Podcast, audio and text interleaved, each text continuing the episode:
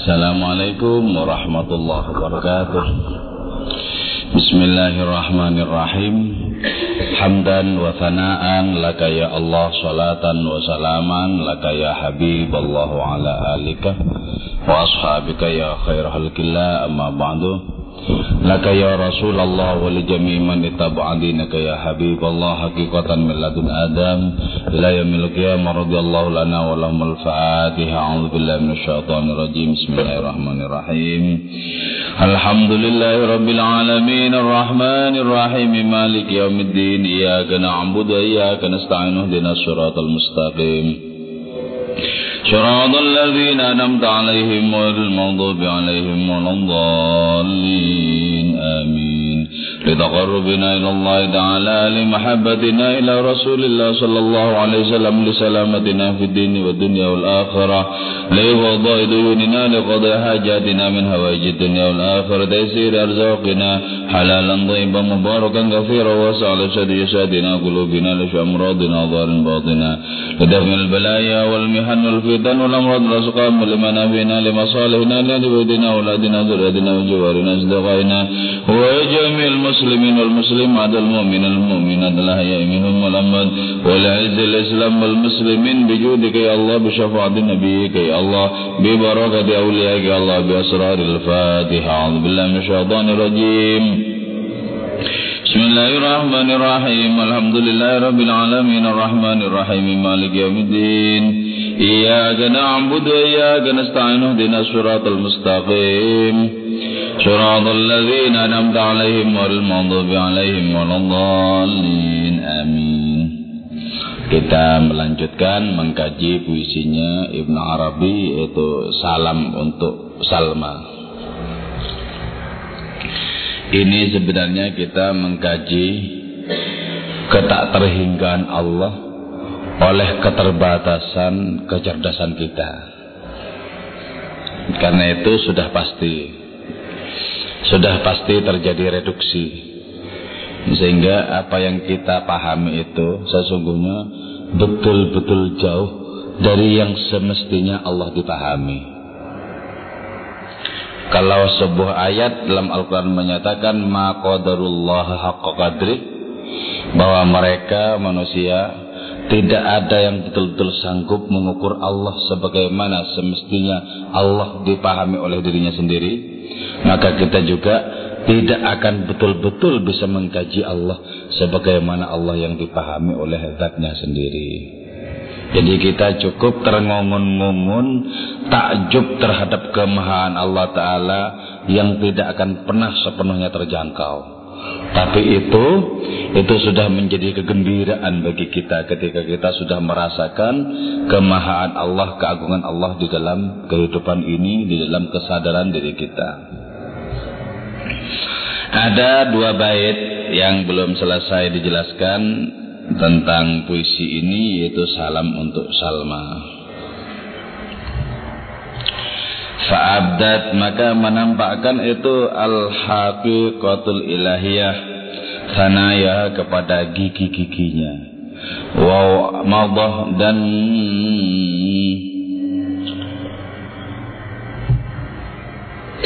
melintas barikun apa kilat falam adri maka tidak mengetahui aku man terhadap siapa syakka yang telah melubangi itu man menembus tuman al hanadisa kepada kekelaman malam minhuma dari keduanya. Keduanya al haqiqatul ilahiyah dan barikun.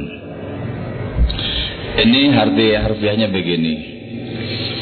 Ketika seseorang itu sudah diliputi oleh kerinduan kepada Allah sebagai asal usulnya maka dengan pertolongan Allah orang ini menyaksikan bahwa al-haqiqatul ilahiyah itu menampakkan gigi-giginya dengan cara tersenyum jadi ini berarti merupakan respon terhadap kegigihan seseorang untuk mendekat kepada Allah.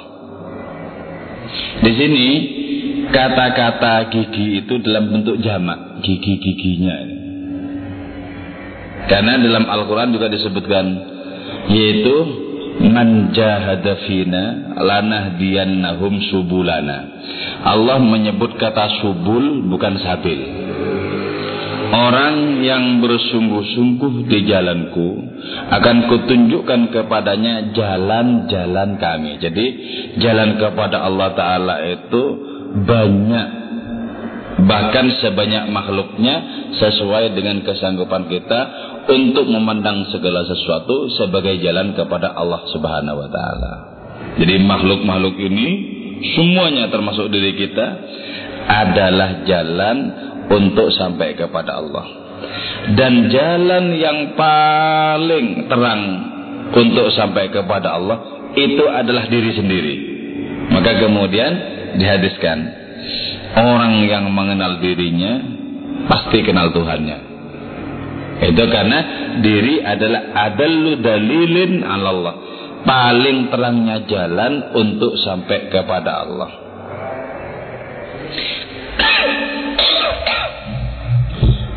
Terus rangkaian pemahamannya karena diri ini merupakan paling terangnya jalan untuk sampai kepada Allah. Maka Nabi itu mengungkapkan sabdanya yaitu hubbiba ilayya min dunyakum salatun. Aku digariskan oleh Allah Ta'ala untuk mencintai tiga hal dalam kehidupan dunia kalian ini. Artinya dalam kehidupan yang nyata ini. Yang pertama Nabi Rasul menyebut nisaun. Nisa ini jamak dari imra'atun. Inilah satu-satunya kata antara mufrad dengan jamak tidak sama. Masa imro'atun kok jadi nisaun? Ya. Kan tidak sama.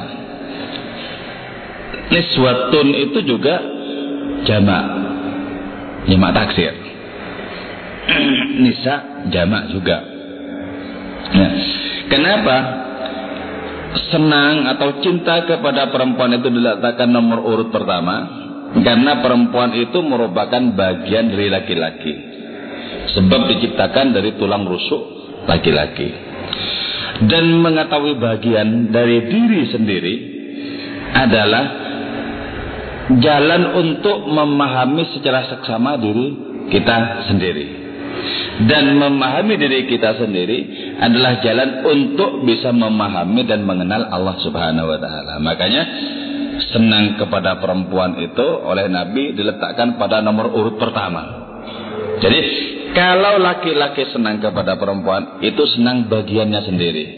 Kalau perempuan senang laki-laki itu senang kepada keseluruhannya atau asal usulnya sendiri. Jadi ketika ini dipahami secara semestinya maka akan menjadi jalan yang terang untuk mengantarkan seseorang sampai kepada Allah Subhanahu wa taala. Jadi fa'abdat kanayaha. Jadi hakikat keilahian yang berada pada segala sesuatu itu sudah tersenyum merespon kesungguhan usaha rohani seseorang. Jadi kalau kita dengan kesungguhan kemudian bergayung sambut dengan adanya pertolongan rohani dari Allah Ta'ala maka kita akan menyaksikan betapa Allah tersenyum kepada kita lewat segala ciptaannya Allah merespon kepada kita lewat seluruh ciptaannya. Ini yang disebut dengan fa'abdat sanayaha. Dan ketika itu wa aumababarikun. Kilat itu kemudian melintas seperti menyambar. Ini paralel dengan bait kedua di dalam kitab Burdah. Am habbatir rihu min tilqa'i kazimatin wa aumadal barku fil zalma'i min idami am habbatir rihu. Apakah engkau menangis karena angin yang berhembus? Mintil kawimatin dari lembah kawima wa aumadul barku atau karena kilat yang menyambar. Fi zalma'i min idomi. Di malam yang kelam dari gunung idomi. Nah kilat menyambar itu artinya apa ada cahaya ilahi yang kemudian mempengaruhi kesadaran rohani diri kita. Kita yang kelam karena dosa-dosa, tapi kemudian disambar oleh kilat ilahiyat, maka kelamnya dosa-dosa akan berubah menjadi kesadaran rohani.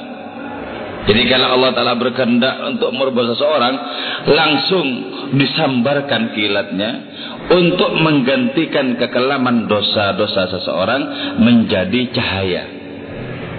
Karena itu ya, ada seorang wali Allah yaitu Syekh Bisr bin Haris Al-Hafi dari seorang pendosa langsung dibalik oleh Allah Ta'ala 180 derajat menjadi wali Allah. Nah, apa bisa? Apa yang tidak bisa di hadapan kemahaan Allah Ta'ala? Sangat bisa. Cuma cara seperti ini, kejadian seperti ini tidak boleh kita andalkan. Misalnya, kita terus saja membiarkan diri bergelimang dalam dosa-dosa sembari kita berhayal. Mudah-mudahan apa yang dialami oleh Syekh Bisr juga akan dialami oleh aku. Ya nggak bisa. Ini nggak bisa. Dan antara ribuan orang mungkin cuma Syekh Bisr al-Hafiz satu. Jadi nggak bisa mengandalkan adanya karunia yang datang secara langsung tanpa berbagai macam sebab. Jadi kita itu sudah diajari sejumlah sebab untuk menyongsong karunia karunia Allah Subhanahu wa taala, terutama karunia rohani. Nah karena itu kemudian kata Ibn Arabi, "Falam adri man syaqqal hanadisah." Aku tidak tahu siapa yang telah membelah kekelaman malam, siapa yang telah mengusir kelam di antara keduanya. Apakah senyum respon ilahiyat itu atau kilat yang menyambar di malam yang kelam itu? Saya tidak tahu mana yang sudah menghancurkan, mana yang sudah melenyapkan kekelaman malam rohaniku. Berarti bait ini mengajarkan kepada kita betapa adanya jarak yang jauh dengan Allah Ta'ala. Kita upayakan untuk memunculkan kerinduan. Rindu itu lahir karena adanya jarak. Karena adanya jarak. Kalau orang berdekatan, nggak mungkin rindu, tapi langsung menumpahkan cinta. Tapi ketika berjarak ada sejumlah rintangan, halangan dan lain semacamnya yang seakan-akan bahkan tidak mungkin menurut akal kita, maka kemudian muncul kerinduan. Kerinduan. Jadi orang dengan adanya jarak akan diajari bagaimana penderitaan rindu. Bagaimana nestapa rindu, bagaimana sakitnya hati yang dirundung rindu. Diajar seperti itu. Nah, ketika kita sudah tahu sakitnya hati dirundung rindu kepada Allah Subhanahu wa taala, maka kita belajar untuk terbang mengatasi jarak tersebut. Waqalat dan mengatakan itu al haqiqatul lahiyah. Ama yakfihi anni biqalbi وقالت أما يكفيه أني بقلبه يشاهدني في كل وقت أما أما فعول مفاعل فعول مفاعل Waqalat dan menyatakan itu al-haqiqatul ilahiyah ama yakfi. Tidakkah cukup eh, bagi itu orang yang direndung rindu Ani apa sungguhnya aku bikolbi telah berada di hatinya orang yang dirundung rindu itu. Jadi ketika kita jatuh rindu kepada Allah Taala, saksikanlah Allah bersemayam dalam dada kita. Bersemayam dalam dada kita. Kalau bayang-bayang tentang kemahan Allah tidak bersemayam dalam dada kita, kita tidak akan bisa jatuh rindu itu nggak bisa. Jadi rindu itu ketika kita sudah mencium, sudah membayangkan tentang kemuliaan wajah ilahi, maka kemudian dalam batin kita muncul rasa kangen. Oh Allah, oh Allah, oh Allah. Dulu kau sebut engkau dengan kalimat-kalimat yang hambar, dengan kata-kata yang layu. Kini kau sebut engkau dengan kata-kata yang hidup. Oh Allah, oh Allah. Sehingga orang ini bisa merasakan apa pun yang di sekitarnya juga berpikir sebagaimana dia.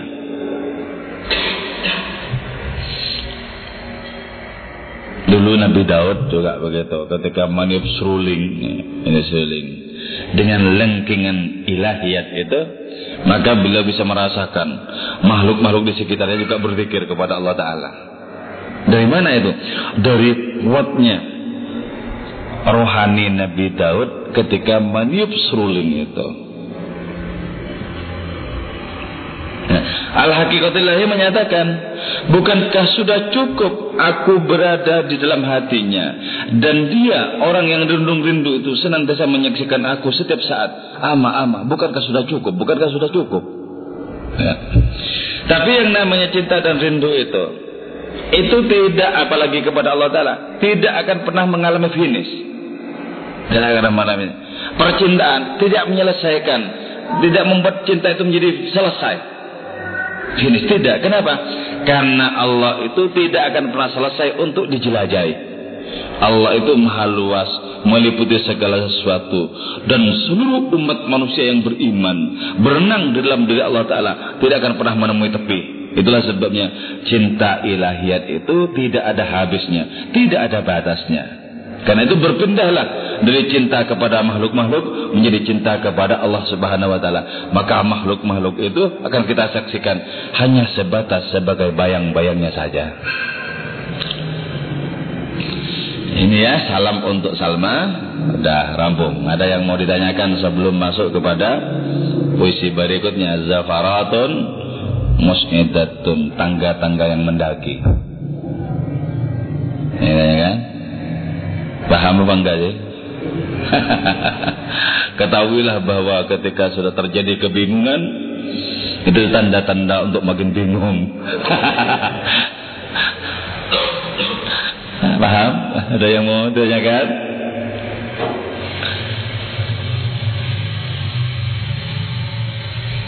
Ayo sambil sambil dimakan.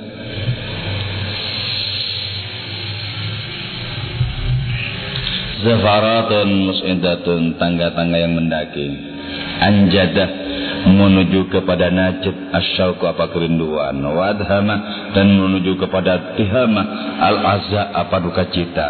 Fa'ana maka adapun aku Ma baina najdin wa tihamin. Itu berada di antara najd dan tihama. Ini ya Dimulai puisi ini dengan dua tempat yang sudah dikenal di sana di Saudi sana ya. Yaitu Najd dan Tihama dan Tihama Najd itu simbol dari kerinduan. Tihama simbol dari kesabaran.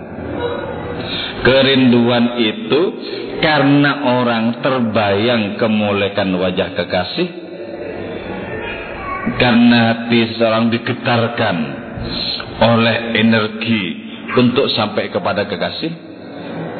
Sedangkan kesabaran itu adalah maklumat tentang adanya ketidaksanggupan. Jadi dua ini tidak akan pernah menyatu.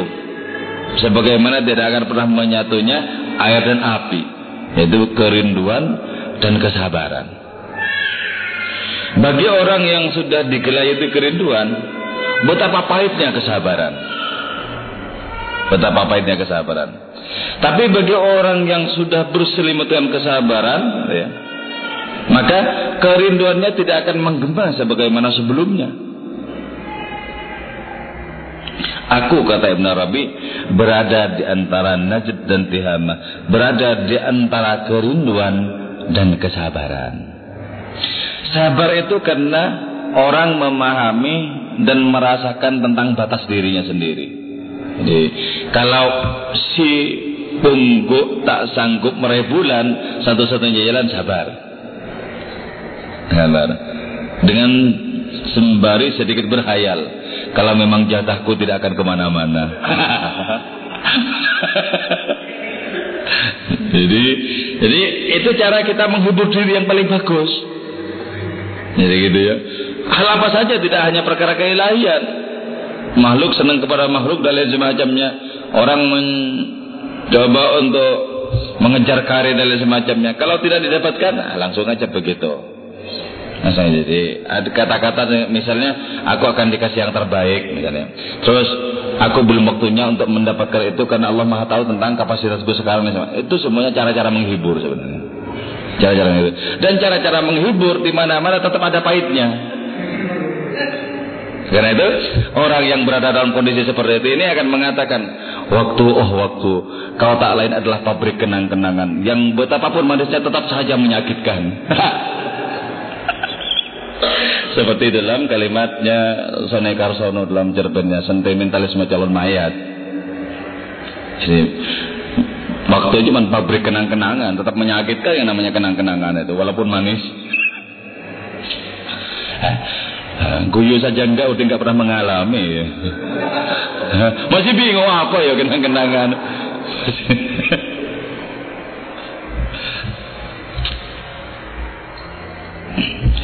Wahuma adapun keduanya itu rindu dan kesabaran didani ialah berlawanan. Lain ya jatami'a tidak mungkin bisa berkumpul keduanya, enggak mungkin. Kesabaran kok bisa mesra dengan kerinduan enggak mungkin. Kalau satunya menghadap ke barat, satunya menghadap ke timur ya. Fasyatati maka adapun ketercerai berayanku malahu ialah tidak ada lahu bagi setati nizamun apa adapun keutuhan ad-dahr selamanya. Inilah aku yang robek oleh kerinduan. Inilah aku yang coba diutuhkan oleh kesabaran katanya. Inilah aku yang tidak memiliki keutuhan diriku sendiri. Jadi betapa kerinduan itu sangat ganas untuk apa? Memaksa keterbatasan seseorang agar berpatu terus untuk sampai kepada target yang diinginkan. Kerinduan itu membuat orang senantiasa melakukan usaha-usaha yang tidak masuk akal sekalipun. Itu kerinduan. Eh, Jadi saya pernah punya kawan ya di pasca sarjana UIN dulu. Dia mencintai seorang artis. Dia tahu dirinya bukan siapa-siapa. Tapi kerinduan ini tidak bisa dihalang-halangi katanya. Dia naik ontel walaupun hujan dia pakai mantel gagah menyeberangi jarak antara Jogja dengan Magelang. Jadi kerinduan itu akan mempressing seseorang untuk memiliki dan mengeluarkan energi simpanan yang ada keluarkan semuanya jadi karena itu ketika orang sudah jatuh rindu dia akan memiliki kemampuan yang tidak dimiliki oleh orang lain. Maka berbahagialah orang yang yang dirundung rindu. Kalau orang dirundung rindu kepada Allah Ta'ala ketika malam menjelang rindunya makin kambuh kepada Allah. Dan puisi-puisi yang melontar tanpa dipandu oleh akalnya sendiri. Langsung melompat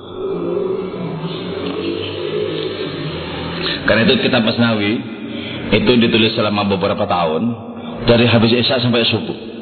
Jadi malam. Dan Maulana Rumi tidak nulis sendiri. Yang nulis itu adalah santrinya Sadruddin Kunawi. Ya. Tulis. Wahai Sadruddin kata Maulana Rumi itu. Seluruh ilmuku belum ada apa-apanya dibandingkan dengan ilmu yang kau miliki.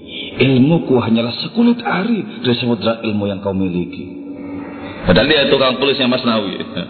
Ketika ditanya Maulana Rumi apa yang kau tulis, aku juga tidak tahu apa yang aku tulis.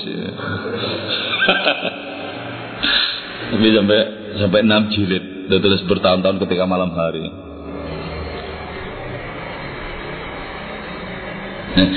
Rindu dan sabar dua hal yang berlawanan, dua hal yang berlawanan. Tapi dua hal yang berlawanan ini sering kali memiliki kesadaran posisinya masing-masing. Jadi ketika orang sudah tidak bisa membendung rindunya sendiri, dilepas ini kemudian kerinduan itu. Tapi ketika orang sadar bahwa dia juga memiliki batas, maka apa boleh buat? Yang dipakai satunya, kesabaran sekarang harus saya pakai. Jadi ketika kerinduan sudah tahu bahwa manusia juga memiliki batas, maka tidak boleh tidak kesabaranlah yang kemudian dikenakan baik kerinduan maupun kesabaran sama-sama datang dari Allah yang Maha Rahman. Sama. Sama. Jadi Allah yang tunggal itu kemudian memercikkan dirinya menjadi sekian nama dan sekian nama itu memiliki objeknya masing-masing yang sesuai dengan watak nama masing-masing itu.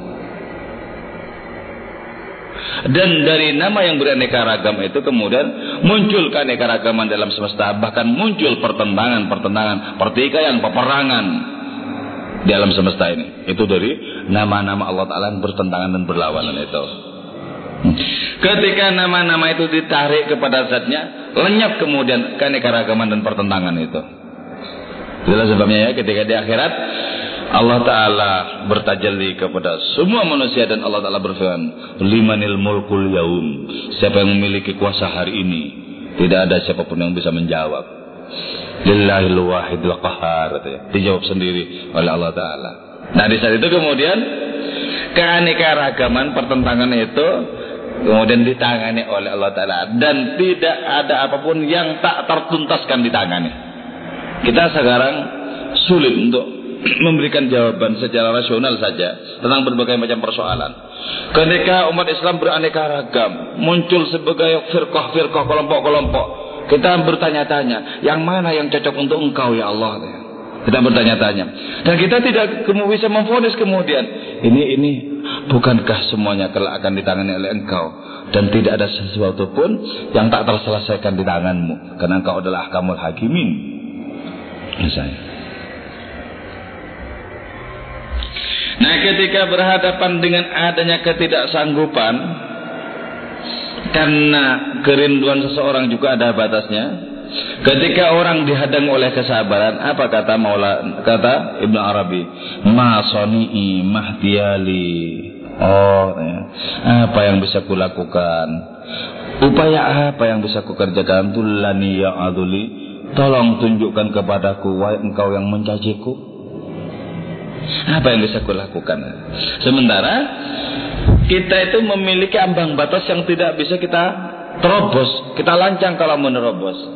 Contohnya, misalnya, tugas kita kan cuma beramal dan kita tidak memiliki kekuatan untuk memastikan bahwa amal kita itu tidak kabul, diterima. Enggak. Tugas kita berdoa dan kita tidak memiliki kapasitas untuk memastikan bahwa doa kita itu dikabul. Tidak. Jadi sehabis kita ketuk pintu, urusan pintu dibuka bukanlah urusan kita. Sehabis kita mengucap salam, urusan orang menjawab atau tidak itu bukan urusan kita lagi. Nah, di sini juga rindu itu kebentuk hal itu. Kebentuk hal itu. Makanya sebuah syair menyatakan bahwa engkau rindu kepadaku Aku pun rindu kepadamu. Tapi dinding di antara kita tidak bisa kita robohkan.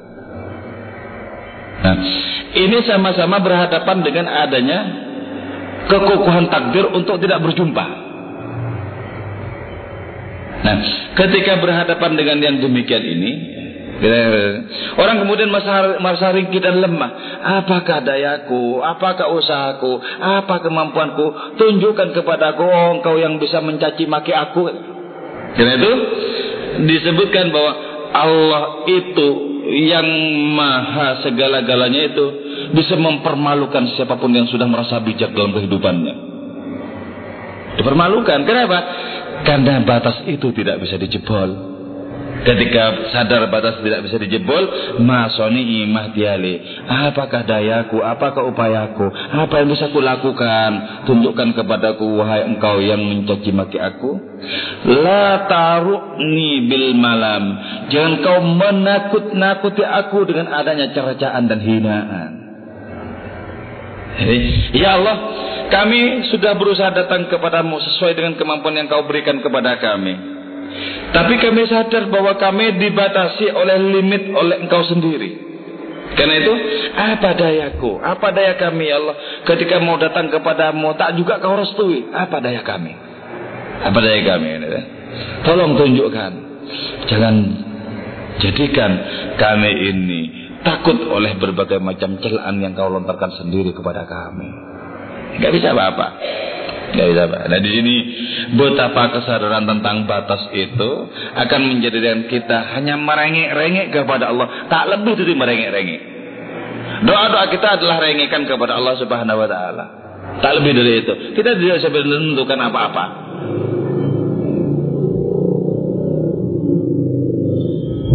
Zafaratun qad ta'alat su'dan wa dumu'un fawqa sijamun Zafaratun adapun tangga-tangga itu kota alat sungguh meninggi sudah naik. Wadumun dan air mata.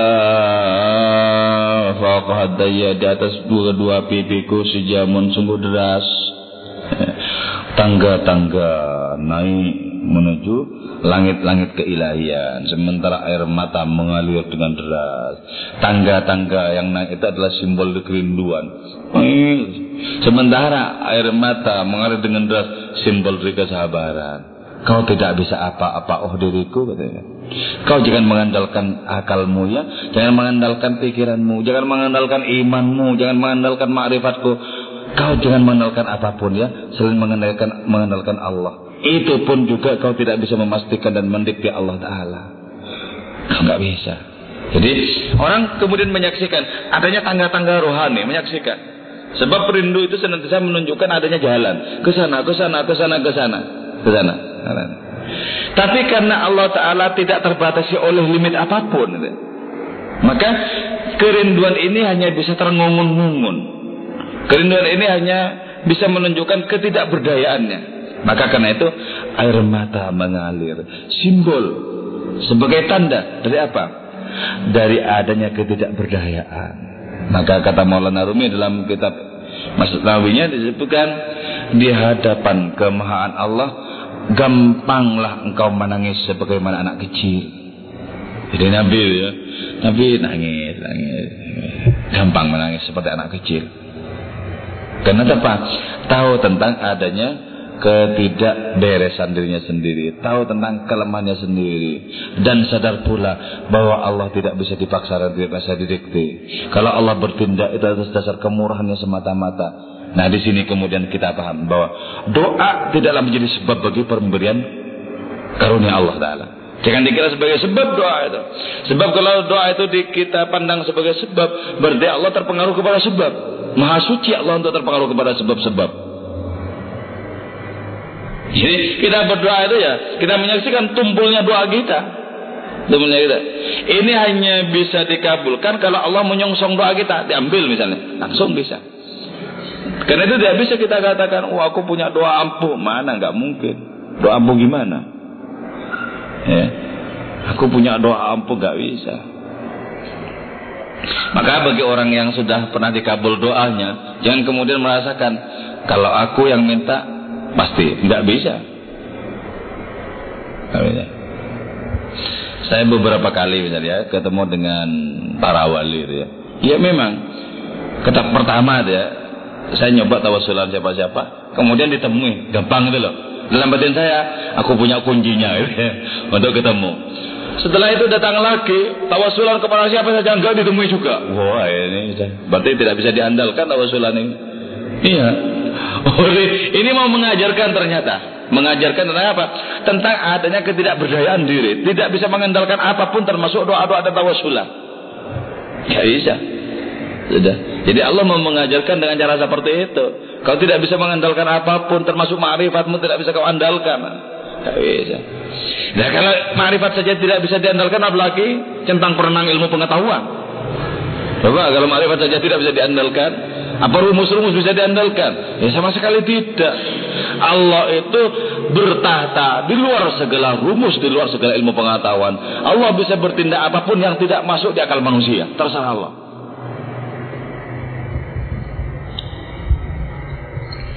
safaratun qad ta'alat su'dan wa dumu'un faqad daya sijaun hannatul aisu ila awdani hanna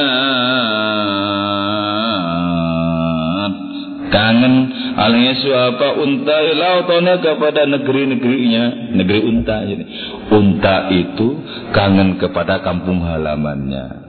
Di manakah kampung halaman kita? Di dunia ini? Bukan. Di dunia ini kita sangat singkat kehidupan kita. Kita cuman menjenguk sebentar, kemudian kembali lagi. Saya pernah membaca novel filsafat dunia sopi itu ya. Di situ saya sampai sekarang itu masih terkenang dan tergetar ya. Di situ ada salah satu tokohnya saya lupa namanya. Itu punya anak, anak kecil ya. Baru beberapa bulan imut-imutnya meninggal. Ibunya kemudian berkomentar, "Ah engkau anakku, Betapapun ku cinta engkau, Kau cuma ternyata menjenguk kehidupan sebentar. Setelah itu kau pulang kembali kepada asal usulmu, oh anakku. Jadi kita itu cuma merambah kehidupan ini sebentar kembali lagi. Sebelum kita lahir sudah berlangsung ribuan tahun, jutaan tahun, miliaran tahun. Setelah kematian kita mungkin berlangsung juga ribuan tahun masih lama. Gitu. Tidak tahu kapan. Sejenak saja kita singgah di kehidupan ini. Apa yang bisa kita berikan makna pada kehidupan kita? Kalau kita hanya sejenak saja singgah di sini. Sejenak saja. Kita singgah. Jadi karena sejenak kita singgah, ciptakan kemudian gelombang-gelombang kerinduan dalam batin kita. Ciptakan lembang kerinduan dalam hidupnya. Sehingga ketika kita disongsong oleh kematian, kita sudah katakan, aku sudah dulu menunggumu, oh kawan, menunggumu sudah dulu aku. Saya beberapa kali ketemu seorang wali Allah mengatakan, sesungguhnya sudah bosan saya, dari dulu sudah menunggu kematian itu. Tak datang-datang juga kalau bukan takdirnya. Saya bandingkan dengan orang-orang yang masih ingin hidup seribu tahun lagi. Para pecinta materi kan? Pengen lama sekali hidupnya itu. Apa saja bisa dia untal bisa dia makan akal kalau bisa mempertahankan umurnya. Jadi kalau ternyata umur itu bisa diusahakan tentunya yang kaya-kaya itu semakin jauh dari kematian. Ternyata enggak juga. Pemilik gudang garam mati juga. Padahal ya kaya kan mati juga Pak Harto ya mati kaya padahal Ketika meninggal kekayaannya itu yang diwariskan berapa? 280 triliun. Bu. Besar loh.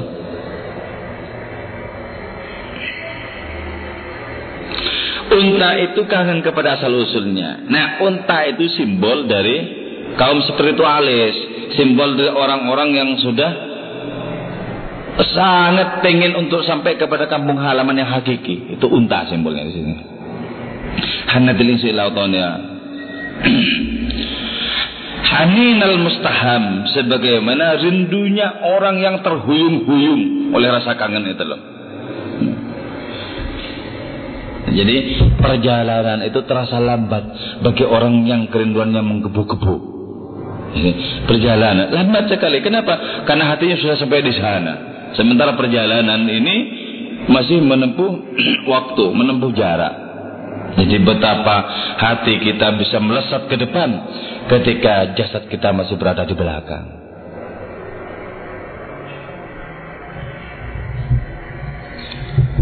Kalau begitu mahayati ba'dam illal fana fa'alaiha wala sabri salam mahayati ba'dam mahayati tidak adalah kehidupanku ba'dam setelah mereka. Mereka-mereka ini apa ya? Al-asma al-ilahiyah nama-nama keilahian. Jadi setelah nama-nama Allah yang beraneka ragam ini ditelusuri dan sampai kepada zat Allah yang tunggal. Ini kalau di dalam kitab Fusul Hikam itu dijelaskan lebih rinci lagi. Misalnya gini ya. Apakah Abdurrahman itu adalah Abdul Muntakim? Abdurrahman adalah hamba Allah yang maha pemurah. Abdul Muntakim, hamba Allah yang maha menuntut balas. Coba, sama apa enggak? Antara Abdul Rahman dan Abdul Muntakim. Padahal Abdul Muntakim ini taunya Allah yang maha memberi balasan. Abdul Rahman taunya Allah yang pemurah. Nah, ini kan tidak saja berbeda tapi bertentangan. Nah, ketika Ibn Abi mengatakan mahayati badam tidak ada kehidupanku setelah nama-nama Allah Ta'ala Maneka Ragam itu. Artinya setelah melewati nama-nama sampai kepada zat yang esa itu. Ilal fana kecuali fana. Jadi fana. Jadi fana itu ketika orang sudah melintasi keanekaragaman. Ketika segala sesuatu sudah tidak menarik bagi seseorang ketika getaran kepada apa pun yang lain sudah tidak ada Ketika yang dirasakan cuma Allah semata-mata itu namanya fana. Jadi sudah menyatakan baik-baik, selamat tinggal, sayonara kepada segala sesuatu yang beraneka ragam dan centang perenangnya. Sayonara, sayonara. Selamat tinggal, selamat tinggal kawan. Silakan siapa saja mau berbencana, aku sudah mengurungkan diri, aku sudah menarik diri semua itu. Jadi ibarat seorang pendekar yang sudah sepuh dan menarik diri dari dunia persilatan. Itulah waktunya untuk apa? untuk menjadi takmir masjid.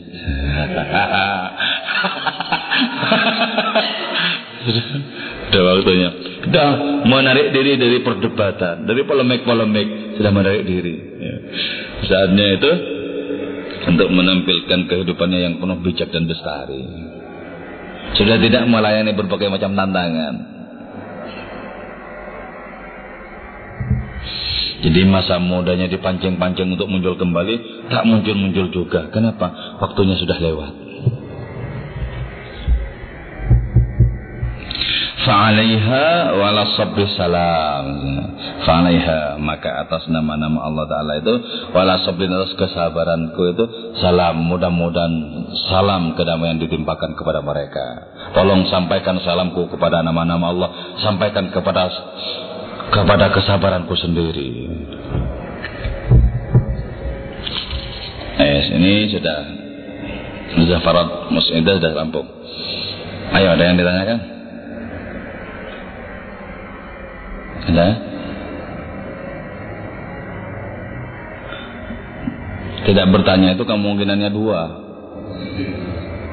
Jadi yang pertama paham, yang kedua bingung. Kayaknya lebih mendekati yang kedua.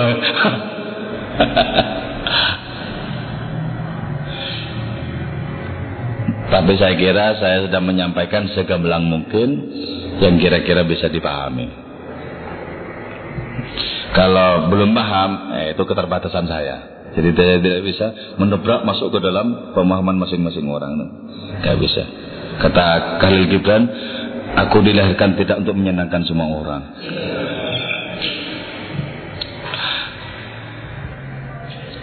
Ada? Oke. Okay. Kalau sudah, mari saya kira formal kita tutup. Wassalamualaikum warahmatullahi wabarakatuh.